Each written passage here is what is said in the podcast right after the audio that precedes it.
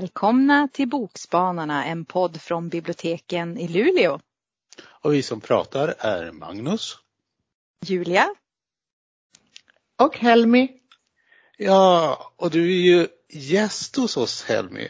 Men vi tänkte att du skulle berätta själv varför du har kommit hit.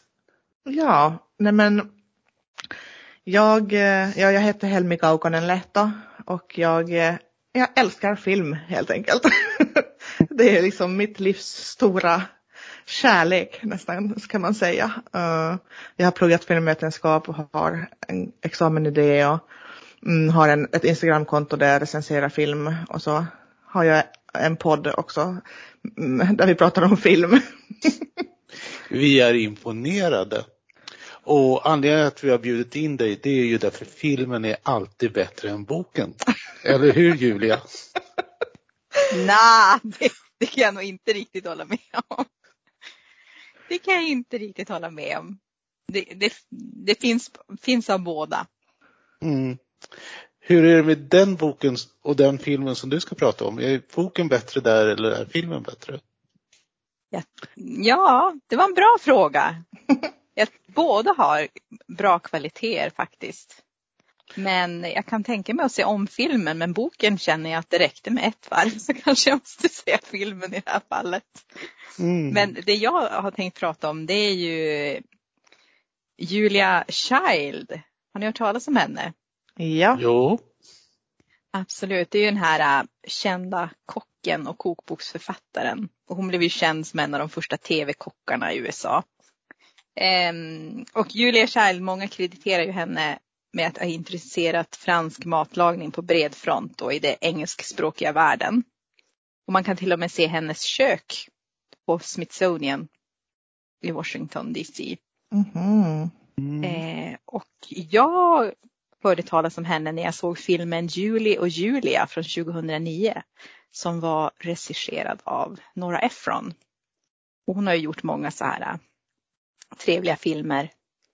Eh, You Got Mail tror jag hon har bland annat med Tom Hanks och Meg Ryan. Jo, jag tror också det.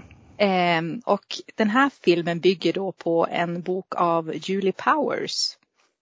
Eh, My Year of Cooking Dangerously. Från 2005. och också då på Julia Childs bok My Life in France. Och den här Julie Powers, hon har en 30-årskris. Hon kommer på att hon ska laga ett recept om dagen ur Julia Childs mastodontkokbok Mastering the Art of French Cooking eller Det goda franska köket som det heter på svenska. Och hon ska göra det då under ett år och blogga om det. Hur tjock är den egentligen? Är det inte 800 sidor eller något sånt där? Ja, det, det, är riktigt rejäl och det är ju en grundlig bok och så hon går igenom vilka redskap man ska ha, hur man ska använda dem. Recepten är väldigt så här strukturerade, typ, typ till den här punkten kan du förbereda i förväg men här, alltså det är verkligen, hon går igenom eh, liksom vad man ska tänka på när man ska, hur man, till och med hur man ska hacka liksom, grönsakerna. Så, så noggrant är det. Så det är ett riktigt praktverk.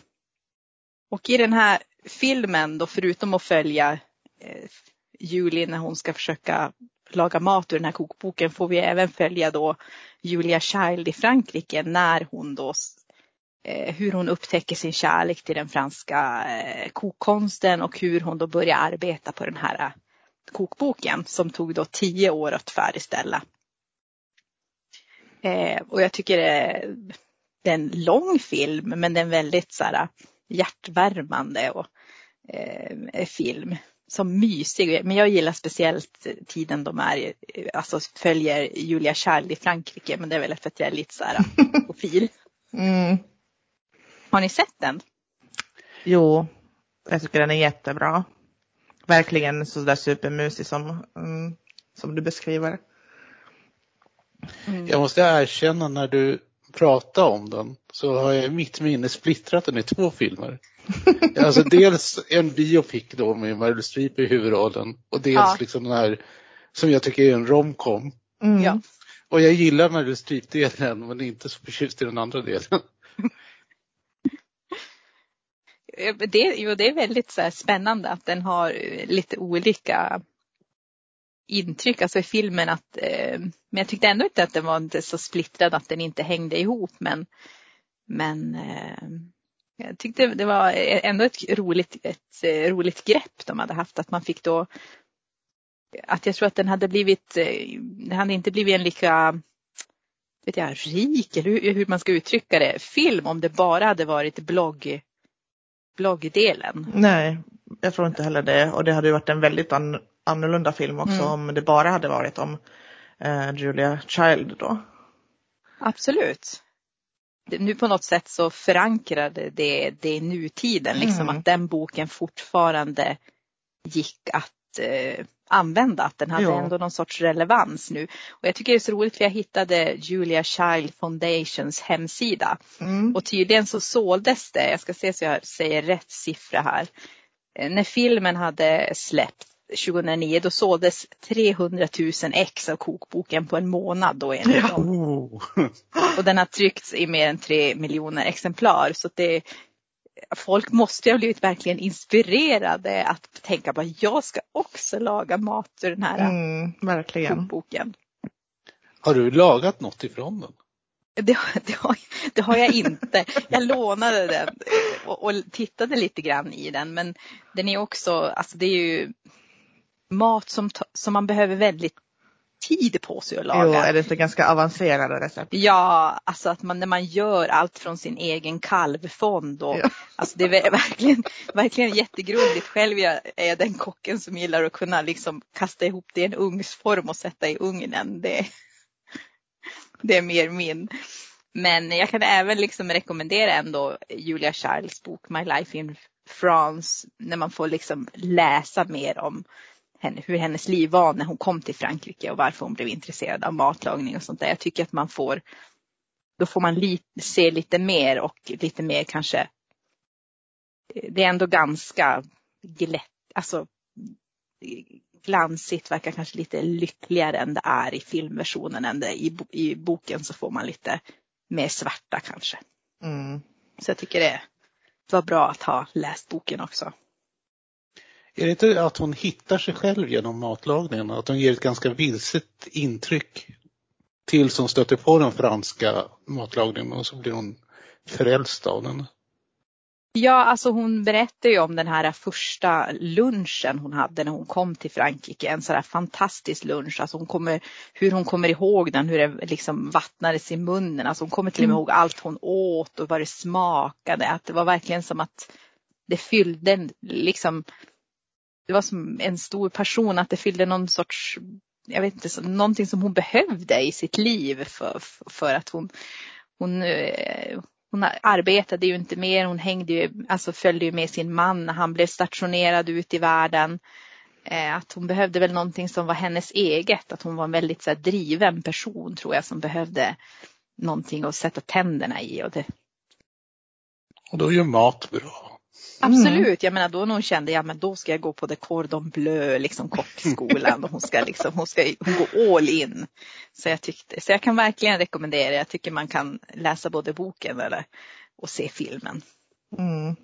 Men vad känner ni, vad har ni för spännande tips att ge?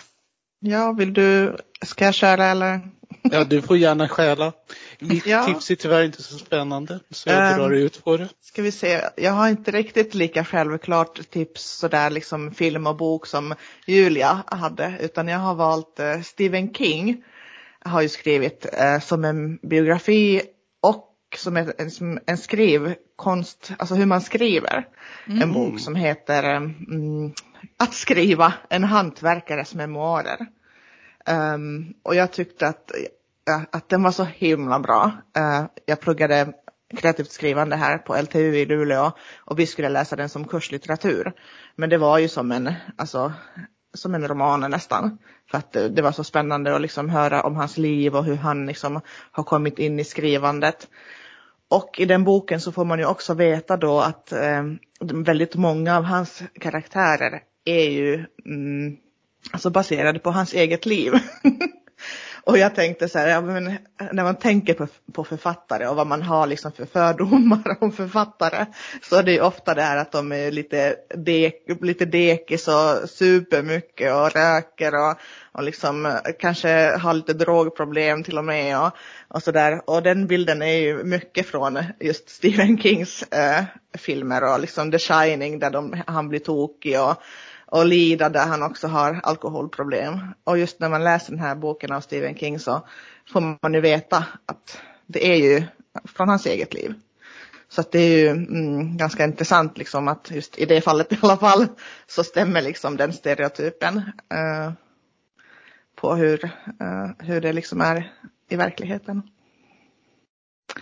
Um, men just Lida så skriver han ganska mycket om, jag vet inte, kommer ni ihåg handlingen i den? Eh, det är väl en författare som blir kidnappad av sitt största fan. Exakt, exakt. Han är, mm, är i en bilolycka för att han har druckit alkohol och så eh, vaknar han upp och, och blir omhändertagen fast också alltså, kidnappad av en, ett galet fan.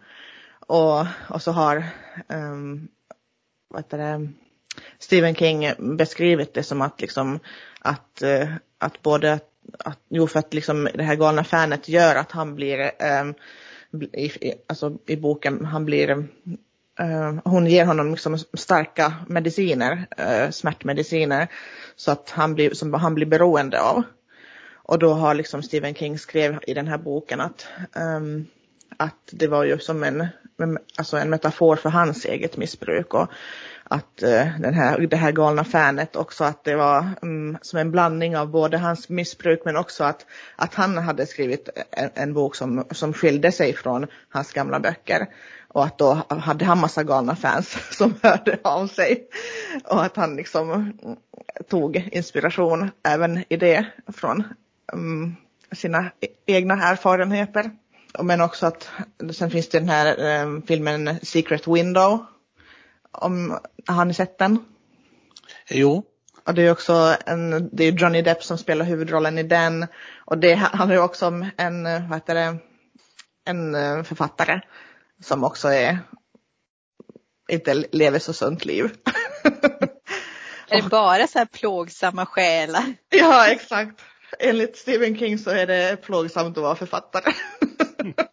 Sen skriver han nu i och för sig typ bara skräck och thrillers och sånt där. Så att då kanske det inte är så konstigt att, att mm, huvudpersonerna inte liksom är superglada och mår bra. Du nämnde ju Shining och det är väl en av de mest eh, lågade författare man har sett. Ja, exakt. Verkligen. No, no, work, no play, make eh, Jack och Dullboy eller något Exakt, där. exakt. Och sen börjar han springa runt med yxan. Ja. Och liksom själv sitter man och, och, och drömmer om att vara, och vara, åh vad roligt det skulle vara att vara författare och så tycker han att det liksom är bara tråkigt jobb. Det som är intressant med Stephen King, han råkade ut för en bilolycka för några år sedan.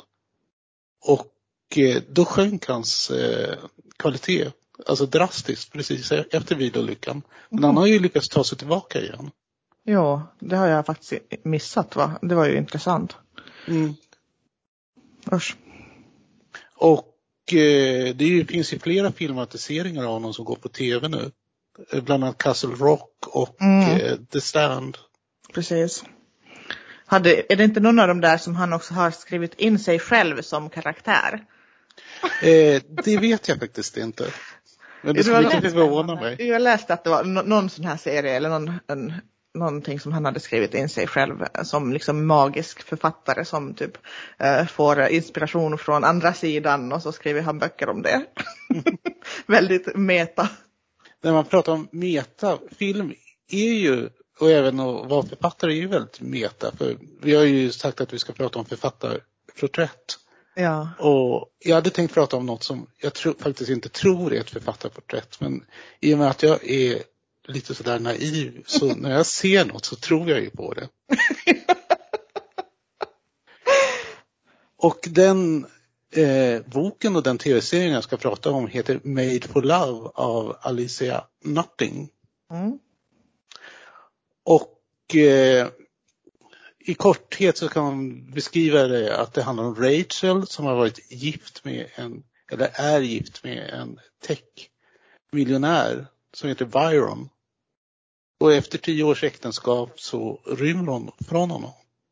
Och hamnar hemma hos sin pappa som lever tillsammans, ja man kan kalla det med en syntetisk livspartner. Alltså en kvinna som inte är levande utan mm. gjord av silikon. Och eh, med liksom denna eh, kvinna som heter Diane utvecklar liksom eh, Rachel en, ja, kanske inte nära men eh, ganska intim relation. Och det som kanske man inte är beredd på, det är att det visar sig att Byron då har eh, installerat ett litet chip i Rachels hjärna för att han ska slå samman deras själar så att han liksom kan dominera henne fullständigt. Så det liksom blir någon sån där lite intressant social kommentar. Alltså hon är ju minst lika mycket syntetisk livspartner som då har eh, förfinats av Byron som kommer med hela tiden eh, med massa nya uppfinningar liksom som ska implanteras eller liksom som ska filter som liksom gör, förändrar liksom saker. Så frågan är om han älskar henne så mycket mer för den hon är än liksom hennes pappa kan älska Diane för det som hon är. Eller det kanske är just därför att han älskar henne, därför hon är syntetisk och aldrig säger nej. Eh, man kan också se liksom skillnaden liksom mellan tv och eh, bok. Alltså boken är mer liksom någon sån här gross out komedi om typ Bridesmaids eller eh, Bad Moms om ni har sett dem. Alltså mm. kvinnor som inte är speciellt eh, ja, trevliga. Mm. Alltid. Medan boken liksom lägger mer eh, tyngdpunkt på Byron. Alltså det är en stor del av boken som utspelar sig i, i hans hus som är någon slags datorsimulering i öknen. öken. Alltså man ser hur eh, Rachel sitter vid poolkanten och tittar upp mot himlen.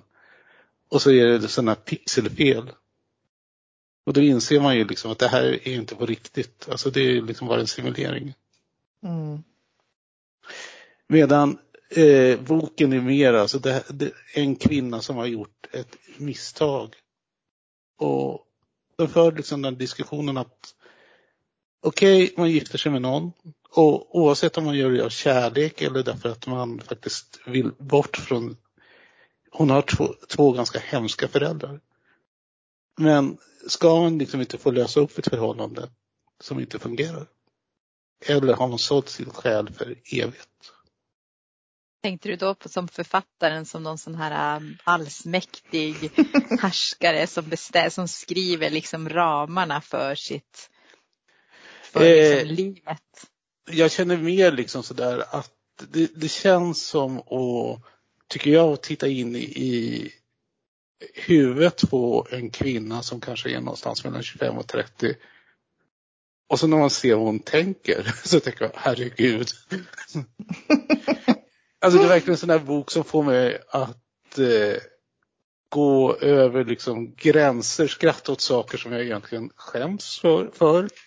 Jag kan känna sån där akut skräck att när jag står på disken i barnavdelningen att någon ska komma med den där boken och hålla upp kopian och det här skrattar du åt och det är ju hela tiden en diskussion liksom om sexualitet, hur män behandlar kvinnor, varför liksom finns det saker som man betraktar normalt där kanske inte är så normalt. Alltså att det är mer normalt att gifta sig för pengar eller liksom för ett stort hus än att det faktiskt att skaffa sig en eh, artificiell partner Mm. Alltså båda två handlar ju liksom om att man köper egentligen det man vill ha. Och sen tyvärr så vill ju inte Rachel bli köpt men sen är det ju liksom sådär lite weird när hon blir tillsammans med en före detta solovårare som har fått en eh, delfinfetischist. och liksom bara kan vara tillsammans med delfiner. Men okay. tack vare experiment då, liksom med det här företaget som heter Google, där kan man ju också ha en viss social kritik. Jag undrar hur många scener de har varit tvungna att ta om därför att de har sagt fel. Verkligen. Men i varje fall eh, i boken då så gör de ett ingrepp i den här mannens hjärna. Så han kan ha då sex med kvinnor men han upplever det som att han är eh, tillsammans med en delfin. Mm. Och det låter väldigt strange men... Det känns det, som det bara spårar ur den här. Ja, verkligen det blir bara konstigare och konstigare. Det, det som är det märkligaste, när man läser den så är den inte så konstig man tänker jaha, det kan väl hända. Och nu blir de lyckliga. Eh, eh, man kan ju säga att tv-serien är betydligt mer städad än boken. Även om det förekommer liksom någon sån där Zorro-nunna i den. Alltså hon är klädd i svart, ingen vet hur hennes ansikte ser ut och hon drar sig inte för att använda våld när det är någon som är svag och som behöver hjälp. Hon är mm. ganska rolig. Min favoritscen i boken, om jag inte avslöjar för mycket, det är liksom när Rachel har varit ute och supit en kväll och när hon liksom raglar hem liksom genom det här området så stöter hon på en plastflamingo, en ganska stor plastflamingo. Som hon tar hem och liksom för ett samtal med den. Och hon resonerar ungefär, okej okay, min pappa har en syntetisk eh, livspartner, jag kan ha en plastflamingo. Mm. Och sen tar hon hem den och present... Ja, det är jättetrevligt. Och så presenterar hon den för Diane så att de kan liksom ha ett samtal med varandra. Ja. Men eh, vad man kan säga, vad jag är ute efter, det är väl att det är tydligt, alltså i litteratur kan man ta ut eh, svängarna betydligt mer än man kan göra i tv-serier. Även mm. om man ibland kan känna liksom att herregud, tv-serier går hur långt som helst nu för tiden. Men det finns fortfarande skillnad. Jo, absolut.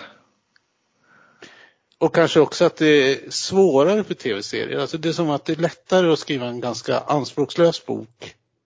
Som är en sak. Alltså det här är ju en berättelse då om en kvinna som försöker ta sig loss från sin man.